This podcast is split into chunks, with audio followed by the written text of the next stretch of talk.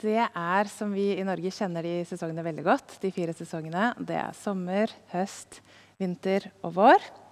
Så er det sånn at eh, noen kloke hoder opp gjennom kirkehistorien, noen eh, fedre og mødre eh, helt tilbake fra de første kristne, har også brukt sesongene som en forståelse for ulike faser som vi går gjennom i vårt liv med Gud og i vårt indre. Og Da har de satt noen ord på disse sesongene, eh, hvor sommeren er intimacy, høsten er afterglow, vinteren er disillusionment, og våren er longing. Jeg synes Det er veldig spennende ord som virkelig som trigger meg, og som jeg med en gang kjenner en liten sånn gjenkjennelsesfaktor, samtidig som jeg er litt nysgjerrig på å finne ut mer om det. Eh, man kan også lese om sesongene eh, hvordan folk bruker det som et bilde på det indre livet, på utvikling, personlig utvikling. Og brukes andre ord, f.eks. at sommeren handler om vekst. Høsten handler om høstinnhøstning. Vinteren handler om død, eh, og våren handler om gjenfødsel. Og det er jo bokstavelig talt akkurat det som de fysiske sesongene virkelig gjør. Og Vi som bor i Norge, vi kjenner dette godt, og vi vet hvordan det ser ut, hvordan det føles. Og kanskje det er lettere for oss å faktisk få litt tak i disse sesongene. Eh, en av grunnene til at det er spennende å snakke om, det er også fordi at når vi går gjennom ting i vår vandring med Gud, så er det godt å se at det ikke bare er meg. Det er ikke bare jeg som har dette her, denne prosessen gående, og som av og til kan ha det sånn som dette. Men jeg kan lære å se at det her er faktisk noe. En sesong. Det er faktisk noe som er gjenkjennelig, som finnes hos andre. Faser som vi kan gå gjennom. Eh, og Den gjenkjennelsen den kan gi trøst, men ikke minst så kan den gi håp. Fordi vi skjønner at vi er et sted, og vi er på vei videre.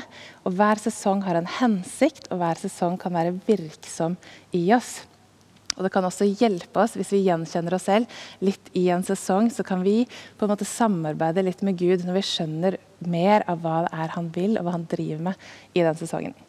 Likevel så er det ikke sånn at vi alltid er liksom akkurat sånn helt og fullt i en sesong. At nå er jeg fullt og helt i sommeren, og alle faktorene er gjenkjennelige. Vi kan av og til kjenne igjen elementer, og det er ikke noe mål i seg selv at vi må liksom finne ut hvilken sesong vi er i akkurat nå. Men vi kan lære å se dette her, at det er en sammenheng og det er en reise. Og også så er det sirkulært.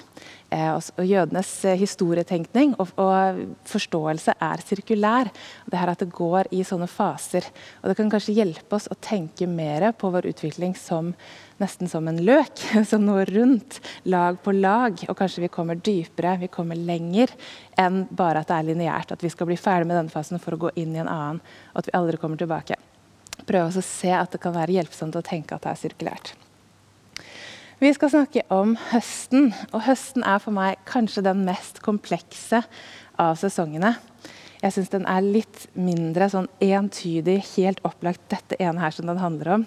Eh, og Det har gjort at det har vært litt sånn interessant å sitte og jobbe med. Høsten har i seg så mye. Alt fra utrolig sånn sterke opplevelser, sterke farger, sterk, litt sånn crisp vind. Luft, eh, lufta er ny og frisk, forventning, skolestart. Eh, det er noe nytt på gang. Til denne døden, sommerens død, bladene som faller, eh, værskiftet, temperaturen faller, mørket vokser, regnet faller. Det er ofte lavtrykk, og kanskje faller også følelsene, motivasjonen eh, og humøret. I tillegg så handler høsten om innhøstning. Vi er jo, De fleste av oss kanskje ikke bønder og tenker ikke umiddelbart på en sånn fysisk innhøstning når det gjelder høst. Eh, kanskje så handler vi de fleste av oss eh, grønnsakene våre på Kiwi, og vi får tak i de året rundt. Så det bryr oss ikke så veldig mye at det er innhøstningstid da eller da. Men høsten er jo først og fremst en tid for innhøstning. Det er tid for å samle inn, for å se hvor mye vi har, for å gjøre regnskap. Eh, og Vi får kanskje en klarere oversikt over hva er det vi har, eller hva er det vi mangler. Er vi rike, er det en god høst, eller er det en mager høst? Og hvorfor i så fall er det det? Vi kan kanskje gjøre oss noen tanker om helheten av livet vårt, og kanskje gjør vi oss også noen justeringer. Jeg vil begynne der. Begynne med å ta litt tak i dette med innhøstning. Regnskap det er jo noe som vi i vår kultur og i vårt, samfunn som regel gjør på våren. Men som sagt, i naturen så er eh, regnskapet, det er innhøstningen, det er tiden for å samle inn, for å se hva vi har, eh, og for å planlegge og disponere utover for den tiden som kommer. Og Sånn er også på en måte den åndelige høsttiden. En tid for høsting, innhøstning. Og det kan være litt blandet hvordan vi opplever det. Det kan være litt blandet når vi får et sånn ærlig blikk på livet vårt. Hvis, hvis, vi i det åndelige på en måte får litt sånn innhøstningsoverblikk, og plutselig får litt innsikt i hvor, hvor står vi, hva har vi, eh, hva er det som er vokst til modenhet i livet mitt, og hva er det som ikke er modent. Noen kjenner kanskje på en sånn fortvilelse eller en sånn, nesten sånn fattigdomsfølelse når man får oversikt over det, mens andre kan være slått av undring over å ha en rik, moden, fantastisk høst i livet sitt og glede seg over det. Jeg har lyst til å si at det er ikke alltid en tid for å evaluere høsten i livet sitt. Det er ikke alltid en tid for å se etter er jeg rik eller fattig i ånden. Er, har jeg mye moden frukt i livet mitt, eller har, burde jeg hatt mye mer moden frukt i livet mitt? Eh, ikke, ikke, jeg tror ikke det er så sunt å alltid gjøre den evalueringen. Og derfor, akkurat som med alle sesongene, så er det Gud som leder oss inn i sesonger. Og det er han som har ansvar for å på en måte putte oss i en høst eller en vår eller en annen sesong. At ikke vi selv skal prøve å liksom, nå skal jeg virkelig gjøre regnskap i livet mitt.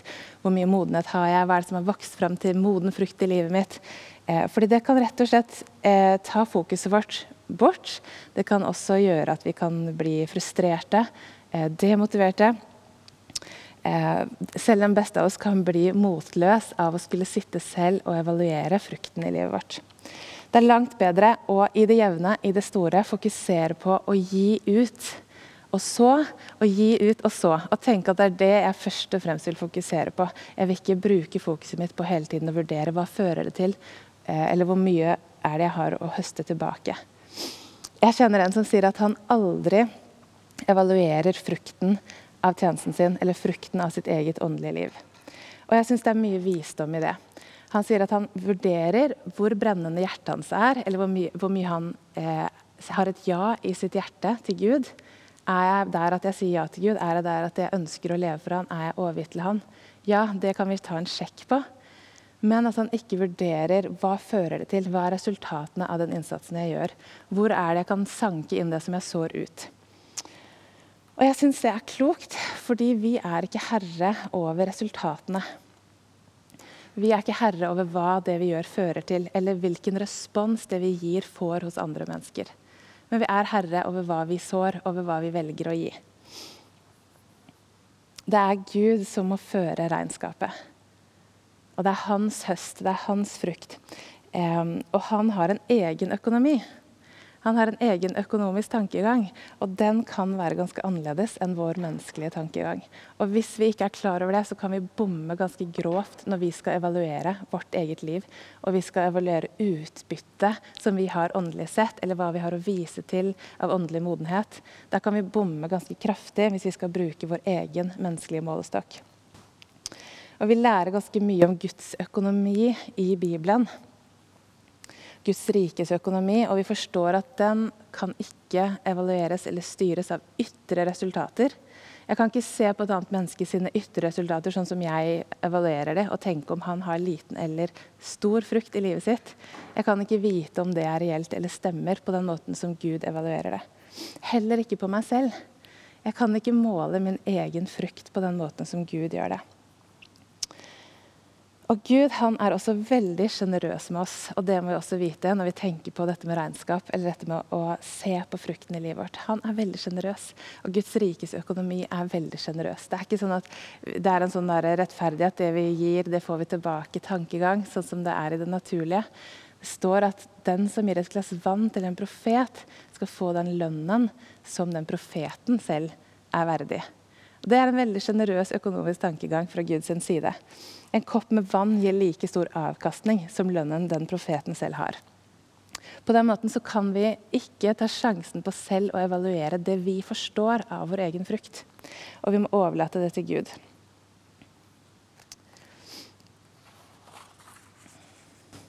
Det beste verktøyet vi har for å forholde oss til innhøstning på i våre liv. For å forholde oss til det som vi på en måte av og til kan se at dette her er det jeg har, dette er det som har vokst fram i livet mitt, dette er høsten min. Det, den beste måten å forholde seg til det på, er takknemlighet. Og høsten er jo tid for thanksgiving.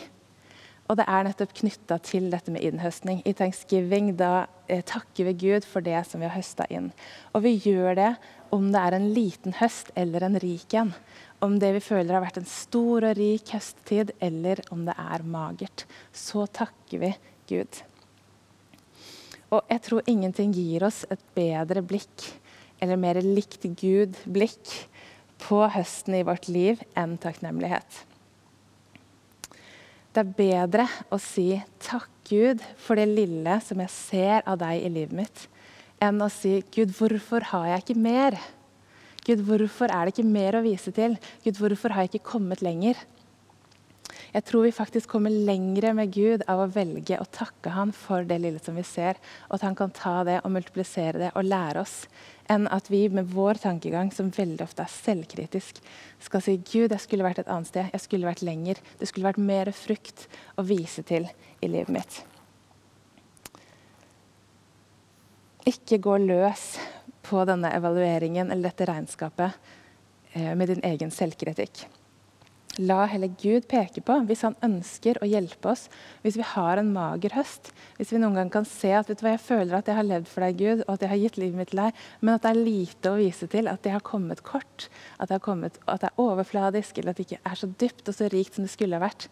Så vil Den hellige ånd hjelpe oss med det, hvis han har noe å vise oss og lære oss om hvordan vi har investert, hvordan vi har sådd i sesongene som har vært. Så kan han lære oss det, men det er han som må gjøre det. Og det hjelper sjelden for oss å prøve å liksom bryte det fra hverandre og, og, finne ut av det på egen hånd. Og hvis vi prøver det på egen hånd, så kan vi lett gå nedover i selvkritikk, depresjon og motløshet. Gud han vet hvor vi er og hva vi trenger, og han er i stand til å lære oss. Så la han lede deg, og la han gi deg sitt perspektiv og sitt blikk hvis du er i en sånn tid hvor du begynner å gjøre litt regnskap over hvor du er. Hvis det er en høsttid i livet ditt. Dessuten, det meste av resultatene våre i dette livet, det får vi faktisk se på den andre siden. Det meste av resultatene får vi ikke engang målt her i dette livet. I tillegg så gjør vi lurt tror jeg, i å ikke ta for mye av æren, verken hvis vi har en rik høst eller hvis vi har en dårlig høst. Fordi det er faktisk utenfor vår forståelse og utenfor vår kontroll. Og jeg kan se et annet menneske og tenke den personen har, en, har et rikt liv, har så utrolig mye å vise til. Og så kan jeg tenke at jeg ikke har det. Men jeg tror vi er lurt av ikke ta for mye av æren for det. Eh, verken den ene eller den andre veien. Men å leve vårt liv i oppriktighet framfor Gud. I å tenke først og fremst på å så og på å gi ut. Og la Han ta ansvar for hva det fører til av en høst. Det var det ene. Vi måtte innom dette at det faktisk er en, en, tid for innhøstning. Men jeg har lyst til å snakke om en annen side ved høsten. Og da må du prøve å ta deg litt tid til å hente fram den følelsen. Fordi høsten den begynner med sterke farger. Eh, hvor den vidunderlige sommeren går over. Eh, den forsvinner, og det kan være litt trist, men den går over i vidunderlig sterke farger. Vi har kanskje noen nye bestemmelser. Eh, vi har bestemt oss for hva vi skal gjøre dette året, her, eller at vi skal fortsette der hvor vi var i det forrige året. Kanskje har vi en ny sekk, en ny by, nye kollegaer, nye folk som vi bor med. Skolestartfølelsen. Jeg vet ikke om du kan hente frem skolestartfølelsen, men for meg er det en god følelse og en sterk følelse. Og jeg elsker sånne overganger. når Det er sånn, det er, nytt, det er et nytt år. Og høsten er et nytt år. Det er et nytt skoleår. Eh, og vi legger noen ting bak oss, og det er en overgang. Jeg vet ikke om du kjenner den følelsen, om den er god for deg, om det er spenning, eller er det kanskje angst? Tanken på å skulle møte nye folk eller skulle plukke opp igjen livet sitt etter sommeren. Eh, kanskje så er det dårlige og vanskelige følelser. Det som i alle fall er felles for oss, tror jeg, er at når de første dagene av den nye høsten begynner å gå over, og det er dag 8, og det er dag 13, 84, så begynner den nye følelsen å gli litt sånn langsomt over i eh, at det er Plutselig er disse vakre bladene de har eh, falt til jorden og ligger tråkka ned i søla. Det er lavtrykk, det er dampete busser, kanskje til og med munnbind på dampete busser. Kan tenke deg noe mer ubehagelig. Det er gråvær. Trærne er nå nakne. Mørket har tatt over mer av døgnet igjen. Og det ser ikke folk under paraplyene før de smetter inn i husene sine fordi ikke vi orker å være ute lenger. Og du ønsker å trøste deg selv. Jeg vet ikke om det bare er meg, men for meg er det liksom høsten utvikler seg fra noe fantastisk og forfriskende og litt sånn spennende til noe litt tungt og vedvarende.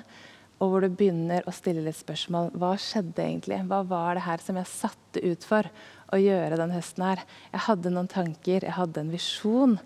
Jeg hadde rett og slett en retning. Dette var det jeg skulle. Dette er det stedet jeg ble satt. Men nå er det dag 48 og det er gråvær fortsatt. Og de skolebøkene er tunge å bære, og jammen er de tunge å komme seg gjennom også.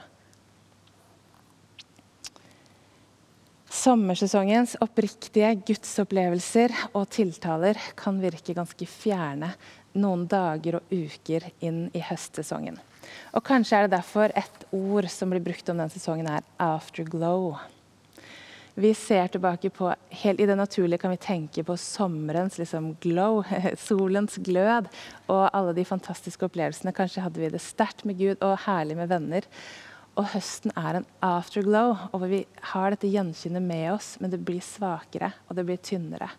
Og det mørket og tåka begynner å ta litt mer over. Det er veldig lett i den sesongen å tenke Var det virkelig deg, Gud? Det jeg hørte, det møtet jeg var på i sommer, den, den, hendelsen, en stund med deg, da jeg følte at dette er retningen, dette er det jeg skal gi meg til, var det du? Var det sant? Var det virkelig? Er det dette her du kalte meg til? Bare se hvordan det oppleves. Og det her er sånn det føles. Er det sånn det skulle føle? Er det dette du virkelig ville?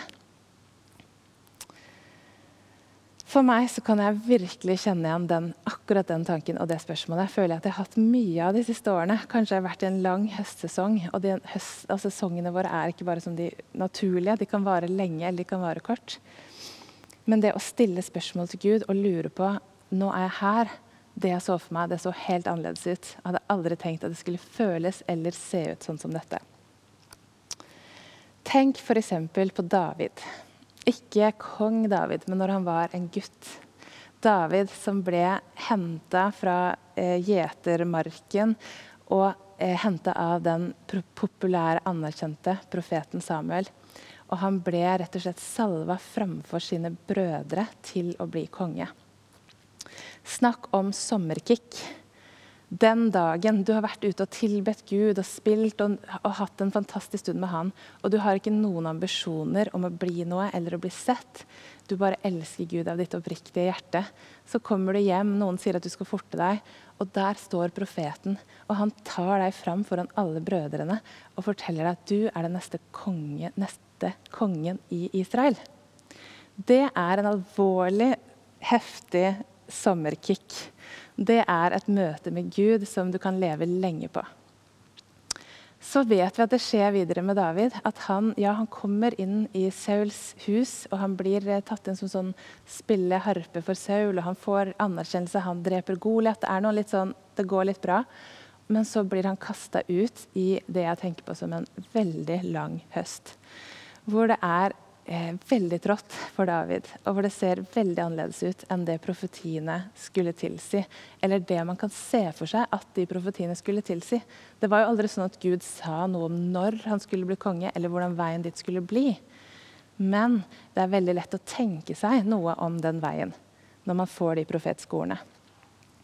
Akkurat det her det har eh, det snakka en som heter Ignatius om. og Han levde en eller annen gang de første århundrene etter Jesus gikk på jorda. Han snakka om denne afterglow-sesongen som høsten er.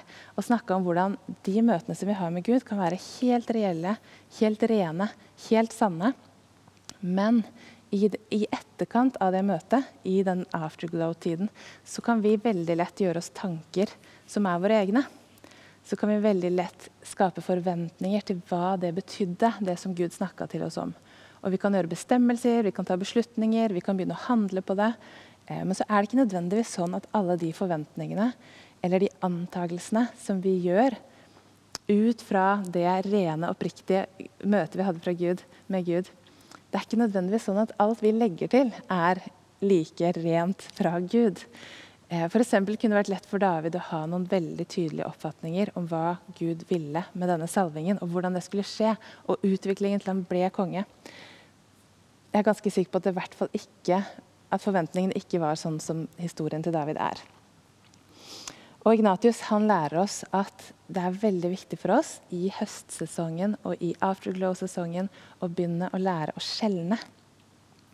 Å skjelne mellom det som virkelig, virkelig er Gud, det har han sagt, og dette har han kalt deg til. Å skjelne det som bare er våre egne forventninger og oppfatninger om hvordan det skulle utspille seg. Eller hva vi skulle gjøre med det som Gud sa. Og I høstsesongen så kan vi begynne å få bale oss med dette her. At vi ser at nå er livet mitt veldig annerledes enn jeg trodde det skulle bli da jeg satte ut på denne her visjonen eller denne reisen eller dette studiet som jeg opplevde at var det jeg skulle. Eh, og så får jeg bale meg på og skjelne. Eh, kan det likevel være Gud, selv om det ser annerledes ut enn jeg trodde? Og hva var det han virkelig sa, og hva var det jeg bare tilla han at han sannsynligvis sikkert mente med det han sa? En liten historie fra mitt eget liv uten sammenligning for øvrig med kong David. Men eh, når jeg var sånn ca. 20 år og gikk på bibelskolen i Philadelphia-kirken her i Oslo, så var vi på misjonstur. Og det var et sommerkick av et øyeblikk. Jeg husker veldig tydelig at jeg satt på en buss i Mombasa, Kenya. Jeg satt bak til venstre inntil vinduet og lente meg og så ut på naturen mens vi kjørte ned til havet, hvor vi skulle ut på en skute og på delfinsafari. Og det kan du tenke deg er det optimale sommerøyeblikket. Og der sitter jeg og så drømmer jeg om at til høsten så skal jeg gå på Blindern, og jeg skal være student. Og jeg er på slutten av et bibelskoleår. Jeg er proppfull av Bibel, av tro, av visjon, av alt man trenger for å innta Oslo med vekkelse. Og jeg sitter og ser for meg at jeg skal fortelle én person om Jesus. Og den personen kommer til å fortelle sin venn om Jesus. Og snart er vi en gjeng, og så skal de bli frelst, og de kommer til å fortelle sine venner om Jesus. Og så kommer det til å fortsette, og selvfølgelig kommer da hele Blindern til å bli frelst. Det er en ganske opplagt strategi. Og jeg var helt sikker på at dette er strategien, og dette er det jeg skal gjøre når jeg kommer hjem fra bibelskole og begynner på Blindern. Historien den ble litt annerledes. Virkeligheten som jeg kom til den høsten, ble litt annerledes. Jeg fortalte de nye vennene mine på Blindern om Jesus. Ingen av de ble frelst, og jeg tror ikke de er det enda.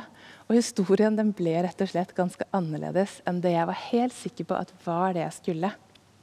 Og moralen av historien den er jo ikke 'ikke drøm tåpelige store drømmer med Gud'. Det vil jeg si ja, drøm om at hele Blindern blir frelst, og gå og gjør det. Men Moralen er kanskje mer at det er ikke alltid det blir akkurat sånn vi har sett for oss. Og det trenger ikke å bety at det ikke var fra Gud, eller at det ikke var rett, eller at ikke du sådde og gjorde det du skulle gjøre. Men du er ikke herre over resultatene og over høsten. Høstesongen i livet er litt sånn reality kicks in-fasen. Og den sesongen viser oss at det er som regel alltid en lang vei å gå. Og den veien som Gud leder oss inn på, den fører som regel også med seg smerte, langsomhet, utholdenhet, vanskeligheter, ja, også vonde følelser. Det oppleves gjerne som at det rett og slett går nedover. Gradvis, sakte, men sikkert. I hvert fall for meg så begynner høsten ganske friskt, og så kan den bli litt tyngre og tyngre. Men ikke la deg lure, fordi vi vet at i biologien så er det bra når det går nedover. Og det er bra at røttene får lov til å vokse seg nedover. Og vi vet også at når det er storm, så får plantene og trærne de, får, eh, de liksom motiveres til å få sterkere røtter og holde seg fast. Og det er veldig bra eh, for oss å stå i stormen og lære oss å stå i stormen. Og hvis vi lurer på kan det være av Gud når det oppleves sånn som dette, så er hele Bibelen et eneste stort vitnesbyrd om at ja, det kan det. Ja, Bibelen forteller oss at fortellingene er som regel fulle av vanskeligheter, av hindringer, av smerte. Men ja, det kan være av Gud. Så høsten er så viktig fordi den lærer oss å holde fast. Å stå fast. Å holde fast i løftene, i troen. Både på det konkrete som Gud har vist oss, men aller mest på Han selv. Når det er tungt og grått og vanskelig, ensomt, mørkt, isolert, vi trekker oss tilbake og det vi satte i gang med, som vi hadde en eh, forventning til, hadde entusiasme rundt, hadde spenning ved å tenke på, det føles bare helt ordinært. Eller enda verre, det føles forferdelig. Da får vi lære å glede oss over Gud for sin egen del. Og Gud for hans egen skyld. Og akkurat det er ikke en sånn én høst-lekse, og så er du i mål. I hvert fall ikke for meg. Jeg føler jeg går sirkel på sirkel med akkurat dette. At når det er utfordrende og krevende, når det ikke ser ut sånn jeg hadde trodd det skulle se ut, når det var helt annerledes enn det jeg signa opp for, at jeg da skal kunne klare å glede meg over Gud. Og la resultater være resultater, eller ikke manglende. Eh, og glede meg over Gud i den tiden. Det syns jeg kan være utrolig utfordrende. Men jeg tror han elsker det. Og også at ikke det trenger å bety at for å glede oss over Gud, så må vi på en måte bare kaste bort, droppe det som vi driver med, bare velge det helt bort for å bare velge Han. Noen ganger så kaller han oss til å stå i det som er utfordrende, det som er langsomt, det som varer år etter år eller dag etter dag. Bli stående i det. Og det er fortsatt tøft, men være takknemlig og glede oss over Gud. Vende blikket mot Han, være trofast. Høsten for meg er en veldig sånn trofast sesong. Etter hvert som den der spenningen går litt over, så handler det mest om trofasthet. Ja, jeg har signa opp for det her, ja, jeg har valgt dette, og jeg står i det i dag også. Selv om det er lavtrykk. Bibelen er full av den formaningen. Hold ut, stå fast. Og for meg så må jeg ærlig innrømme at jeg har vært litt sånn Det er ikke det mest radikale du kan si, Paulus. liksom. Han sier det ganske ofte. Og det er litt sånn hold ut, stå fast. Altså kan du ikke si liksom storm på, innta. liksom. Hold ut, stå fast. Det er litt sånn bakpå. Men faktisk så er jeg veldig imponert over hold ut og stå fast. Jo mer som jeg selv kan kjenne på en sånn her høstsesong, så trenger vi de ordene. For det er veldig lett å bare være en god venn for hverandre og forsøke å, si, å trøste hverandre. Si sånn, men kjære deg, oppleves det sånn? Er du sikker på at dette er, bra, er bra for deg? Nei, men uff, det høres altfor tøft ut. Gi, gi, slipp på de greiene der. Og det er ikke sikkert at det alltid er det beste rådet å få. Noen ganger så trenger vi å høre Gud si 'hold ut', stå fast.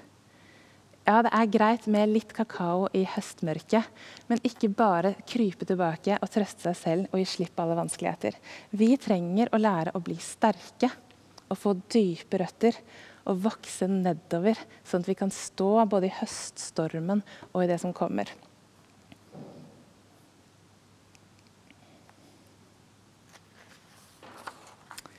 Til slutt så vil jeg bare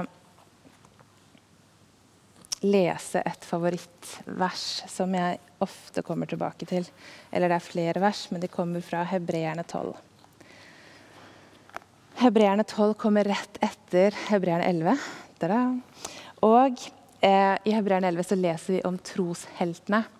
Og det står eh, to steder i Hebreerne 11 at de eh, trosheltene som det fortelles om der, ikke alle av de fikk se løftene mens de levde på denne jorda. Og for meg så kan jeg tenke det er jo eh, failure, det er jo mislykka.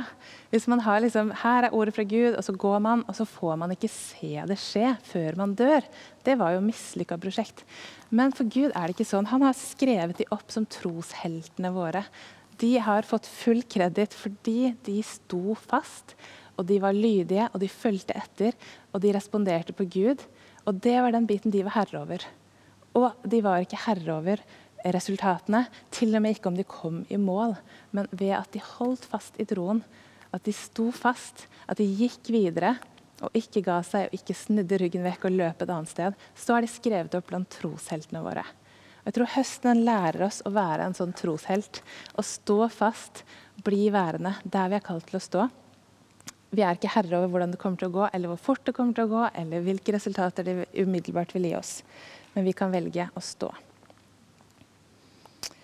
Hebreerne 12 står det Derfor skal også vi, siden vi er omgitt av en så stor sky av vitner, legge av enhver byrde og synden som så lett fanger oss, og løpe med utholdenhet i den kampen som er lagt foran oss, mens vi ser på Jesus, troens opphavsmann og fullender.